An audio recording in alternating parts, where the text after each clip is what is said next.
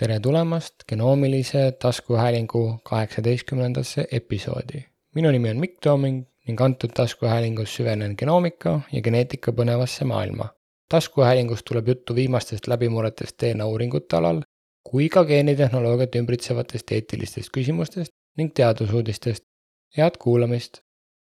Ameerika meditsiinigeneetika ja genoomika kolledži aastakoosolekul arutati, kuidas personaliseeritud meditsiin võib aidata lahendada tervishoiu kättesaadavuse ja võrdsuse probleeme, kuid samas võib see neid ka süvendada. paneel tõi esile genoomilise personaliseeritud meditsiini potentsiaali ja lõkse vastsündinute sõeluuringu kontekstis. Nad märkasid, et kuigi enamikus USA osariikides testitakse kümneid haruldasi haigusi, on paljud sõelumisprogrammidega otsitavad haigused seotud elukestva hooldusega, mis peavad olema kättesaadavad ilma juurdepääsuta tervishoiuteenustele ei ole vastsündinute sõeluuringul lastele mingit positiivset mõju. paneelis arutati ka seda, kuidas meditsiinigeneetika valdkond peab olema kaasav, kusjuures teadlased peavad töötama selle nimel, et võita kogukondade usaldus. kõik haigusega seotud variandid tuleb seireteks seada prioriteediks, mis võib süvendada ebavõrdsust lisaks sellele, isegi kui harvaesinevate geneetiliste haiguste jaoks on välja töötatud ja heaks kiidetud ravimid, võivad need olla väga kallid, tekitades turu segmenteerimise ja suurenenud kulud. paneel jõudis järeldusele, et kättesaadavuse ja võrdse kohtlemise küsimused on need, millega genoomika kogukond peab tegelema, kui sekveneerimine lisatakse vastsündinute sõeluuringusse. Illumina ja aktivistliku investori Carl Icahni vahelises võitluses on sekveneerimishiiglane esitanud avalduse, milles taunib Icahni manöövreid, et alustada volikirja võitlust. Illumina väitis, et Icahni esitatud direktorite kandidaatidel puuduvad asjakohased oskused ja kogemused ning nad kahjustavad Illumina põhitegevust. Icahn kontrollib umbes ühte koma nelja protsenti Illumina aktsiatest ja kritiseeris eelmisel nädalal avalikult ettevõtte ühinemist Grailiga kavatsusega võtta üle kolm juhatuse kohta ja võõrandada vähktõve tuvastamise testimise firma. Illumina kordas oma pühendumust aktsionäride väärtusele ja ütles, et töötab juriidiliste ja regulatiivsete protsesside kaudu, et maksimeerida aktsionäride jaoks väärtust seoses Graili ühendusega. ettevõte vaidlustas Euroopa Komisjoni pädevuse Graili omandamise läbivaatamiseks ning lõplikku otsust oodatakse kahe tuhande kahekümne kolmanda aasta lõpus, vaid kahe tuhande kahekümne neljanda aasta alguses. Illumina usub, et jurisdiktsioonikaebuse võitmine välistab igasuguse Euroopa Liidu trahvi ja annab Illuminale suurima võimaluse maksimeerida väärtust aktsionäride jaoks. Icahn süüdistas aga ettevõtet äärmiselt eksitavuse ja tõe varjamises. vastuses kordas Illumina, et tema juhatus ja juhtkond on tõestanud oma põhitegevuse edukat juhtimist ning plaanib lahendada Graili omandamise kiiresti ja Illumina aktsionäride parimates huvides. Inglismaa Wellcome Sanger Instituut ja Rootsi Skylife Lab on saanud oma esimesed Pacific Bioscience'i Revio süsteemid, uue kaualoetava järjestustehnoloogiad, mis aitavad kiiremini ja väiksemate kuludega toota rohkem sekveneerimisandmeid. mõlemad meeskonnad on Reviost põnevil, sest see võimaldab neil järjestada rohkem, kiiremini ja tõhusamalt kui kunagi varem. Revio suudab päevas toota üle kolmesaja kuuekümne gigabaasi high fidelity lugemit, mis on viisteist korda suurem kui eelmises süsteemis, võimaldades neil ühe katsega töödelda palju väiksemaid genoome ja võidelda massiliste genoomidega, näiteks nagu Darwini elupuu projekti taimegenoomid. Sanger instituut asendab kümme olemasolevat süsteemi ühe Revio süsteemiga ja nad ootavad selle aasta jooksul veel kahte süsteemi Backbioreevia süsteem, mis ühendab mitut tehnoloogiat, et suurendada hi-fi pika lugemisulatusega sekveneerimise mastaapsust, tegeleb hi-fi sekveneerimise laiema kasutuselevõtu peamiste takistustega, suurendades läbilaskevõimet ja vähendades kulusid, et võimaldada suuremahulisi projekte. Backbio SQL kaks platvorm tõi hi-fi sekveneerimise teadusringkondadesse, kuid Revio süsteem kasutab suuremate ja ambitsioonikamate projektide kasutamata potentsiaali süsteemil on tehnoloogia, mis suudab kolmekordistada nullmooduslike lainejuhtide ehk CMV-de arvu SMRT rakus ja robootika, mis võimaldab või käsitleda nelja SMRT rakku samaaegselt, mis annab kohese ligi kaheteistkordse läbilaskevõime kasvu. Backpeo peamine väljakutse oli Revio süsteemi suurema läbilaskevõimega kaasneva arvutusvõimsuse suurenemisega toimetulek. Süsteem kasutab Circular Consensus Sequencing tehnoloogiat, et genereerida konsensuslugemite mitmest proovi läbimist kogu sekveneerimisprotsessi jooksul. Backbio SQL kaks platvormi ainult protsessorigi arhitektuur ei olnud piisav. seega uuris meeskond kiirendustehnoloogiaid nagu GPU ja FPGA. kasutades Nvidia täiustatud GPU-sid, viis meeskond CCS etapi üle GPU-dele viies ülesande lõpule kahe ja poole tunniga. seejärel uuris Pakvia võimalusi, kuidas suurendada saagikust ja täpsust tarkvara ja süvaõppe abil. Google Healthi poolt kahe tuhande kahekümne esimesel aastal avaldatud Deep Consensuse süvaõppe algoritmi lisamine parandas täpsust, kasutades ainult kodeerijale mõeldud transformaatorit, et jagada Pakvia instrumentide alamriidid tensor objektideks lihvitud lugemid on täpsemad kui subread'id ja hi-fi lugemid ilma deep konsensuseta. Deep konsensuse lisamine pikendas iga SMRT raku töötlemiseks Revio süsteemis kuluvat aega, maandudes lõpuks ligikaudu viie koma viie tunni üle ühe SMRT raku kohta GPU-s. Pakpeo saab nüüd pakkuda klientidele täpsemaid hi-fi lugemeid lühema ajaga. kui SQL kahe süsteemi standardse sekveneerimise aeg on ligikaudu kolmkümmend tundi, siis Revio süsteemi puhul saab Pakpeo seda aega vähendada kahekümne nelja tunnini Ühendkuningriigis peaks sel aastal algama murranguline projekt, mis hõlmab saja tuhande vastsündinu lapse genoomide järjestamist. vastsündinu genoomide programm on suurim omataoline uuring ja kaardistab kaasatud imikute täielikud geneetilised juhised. programmi eesmärk on skriinida ligikaudu kahtesadat haruldast, kuid ravitavat geneetilist haigusseisundit, mis võib pakkuda lastemeditsiinile märkimisväärset kasu diagnostilist protsessi kiirendades võib imikute varajane ravi takistada raskete haigusseisundite teket. saja kahekümne kuue miljoni dollari suurune programm toimib praeguse vastsündinute testimise laiendusena ja kontrollib kahe aasta jooksul vabatahtlikult ligikaudu ühte kaheteistkümnest Inglismaal sündinud beebist. projekti tulemused teavitavad poliitikakujundajaid, kes võivad sillutada teed järjestuse muutmisele tavalisemaks algatus on aga tõstatanud eetilisi küsimusi geneetika, nõusoleku, andmete privaatsuse ja imikute tervishoiu prioriteetide kohta. Ühendkuningriigis kontrollitakse vastsündinuid ravitavate seisundite suhtes väikese vereplekkide testide abil, mida nimetatakse kannatorke testiks. antud meetod võib olla aga piiratud ja ei pruugi tuvastada teatud tingimuste variatsioone, mis võivad olla elumuutlikud selle probleemi lahendamiseks plaanib Genomics Englandi juhitud vastsündinute genoomide programm genoomi sekveneerimise abil sõeluda kahtesadat geneetilist variantidest põhjustatud haigusseisundit. programmi eesmärk on tagastada sõeluuringu tulemused peredele kahe nädala jooksul ja hinnanguliselt saab diagnoosi vähemalt üks beebi kahesajast.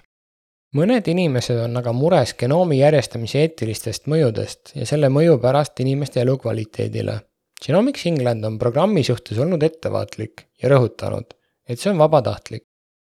üldiselt on vastsündinu genoomide programmil potentsiaal leevendada tavapäraste testide abil diagnoosi saamiseks raskustes perede ületamatut valu ja ärevust.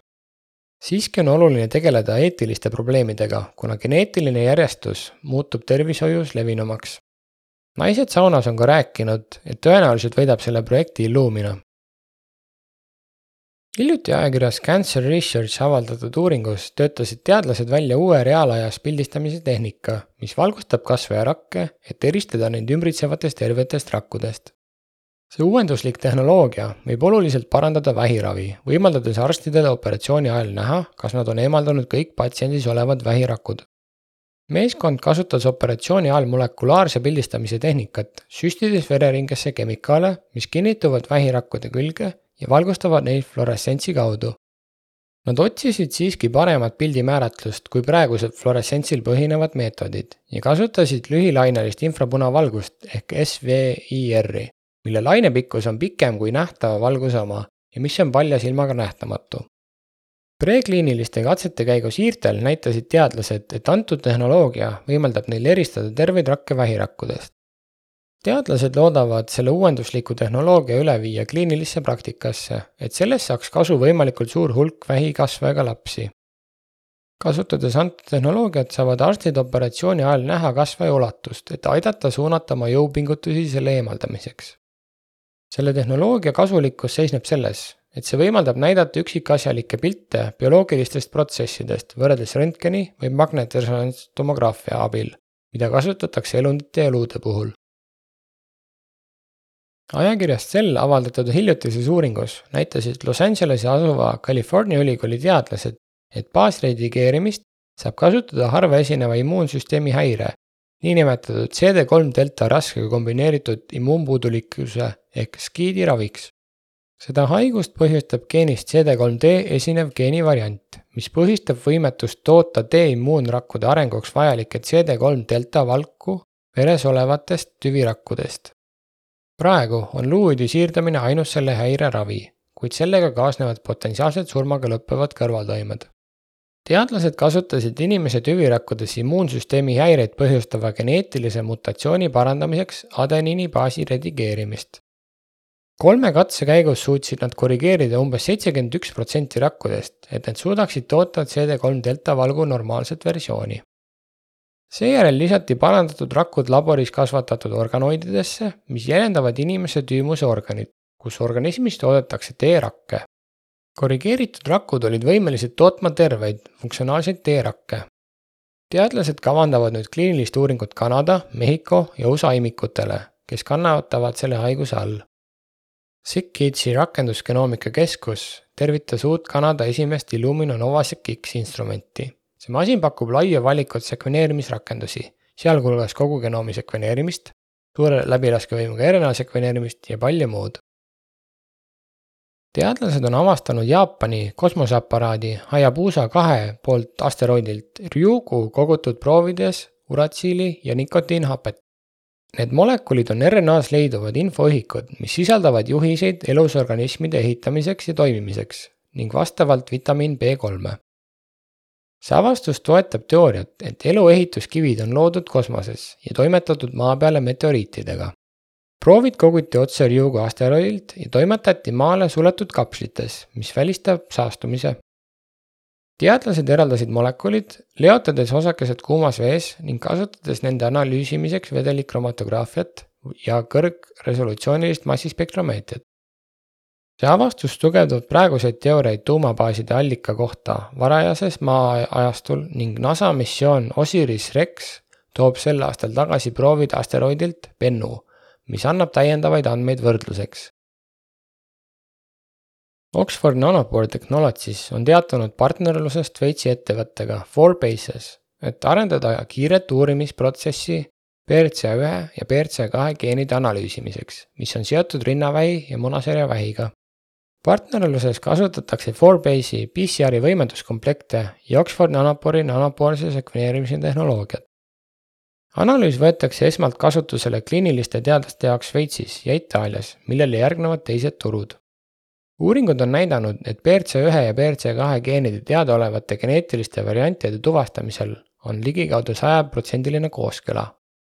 Oxford Nanopori tegevjuht Gordon Sangera ütles, et koostööl on märkimisväärne mõju paljudele uurimisvaldkondadele. Saksamaa inimgeneetika konverentsil, mis toimus Kasselis, näidati huvitavat pilti et kui võrrelda Oxford Nanopori R10 poore, mis äh, siis inimesel oleks näiteks rusikasuurune ehk siis kaheksa sentimeetrit, siis kogu DNA pikkus oleks samas mõõtkavas kolm koma kaks kilomeetrit. PLOS bioloogias avaldati artikkel, kas bioinformaatika on surnud. nimetus bioinformaatika ei kajasta enam täpselt seda, mida selle valdkonna teadlased tegelikult teevad, eriti praegusel neljanda andmeteaduse paradigma ajastul bioloogia tuum on andmete jagamine ja bioinformaatika on nüüd osa suuremast valdkonnast, mida nimetatakse andmeteaduseks. kuigi bioinformaatika lubadusi ei ole alati täidetud, on tekkinud uus põlvkond praktikuid, kes on vilunud nii in silico kui ka in vivo või in vitro valdkonnas. suur andmemaht ning arengud riist- ja tarkvaraarhitektuurides on toetanud mitmesuguseid üha jõulisemaid masinõppemeetodeid, mis muudavad biomeditsiini valdkonda me kogeme kõigis erialades muutusi, mis on sarnased genoomikaga, kuid murdose ajast ja see mõjutab meie tegevust biomeditsiinis, sealhulgas kasutatavad vahendid ja andmed, mida me analüüsime. Andmeteadusalgatused akadeemilistes asutustes lõhuvad erialade vahelisi barjääre, lihtsustades parimate tavade vahetamist ja tunnistades, et biomeditsiini uuringute jaoks olulised uued arengud toimuvad väljaspool biomeditsiini seinu. näiteks mitmeskaalalise modelleerimise lubadus, mis töötab ühes uuringus molekulidest kuni populatsioonideni, võimaldades tuvastada ja kaardistada põhjuslikke järeldusi eri skaaladel, on tugev liikuma panev jõud, mis avab ukse bioloogiliste süsteemide tõeliselt integreeritavatele teooriatele. bioinformaatika valdkond elab ja areneb, kuid see nimetus ei kirjelda enam täpselt seda, mida selles valdkonnas tehakse.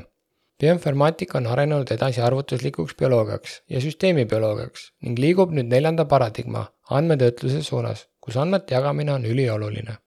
digitaalsete andmete, sealhulgas suurandmete levik, on bioinformaatika valdkonna muutuste mootoriks bioinformaatika valdkonna tulevik seisneb selliste vahendite ja tehnikate väljatöötamises, mis suudavad analüüsida ja tõlgendada tekkivaid tohutuid digitaalseid andmemahte. kui märkasid mõnda huvitavat uudist või sul on küsimusi, saad mulle kirjutada genoomiline at gmail.com. lisaks leiad mind ka Instagramist.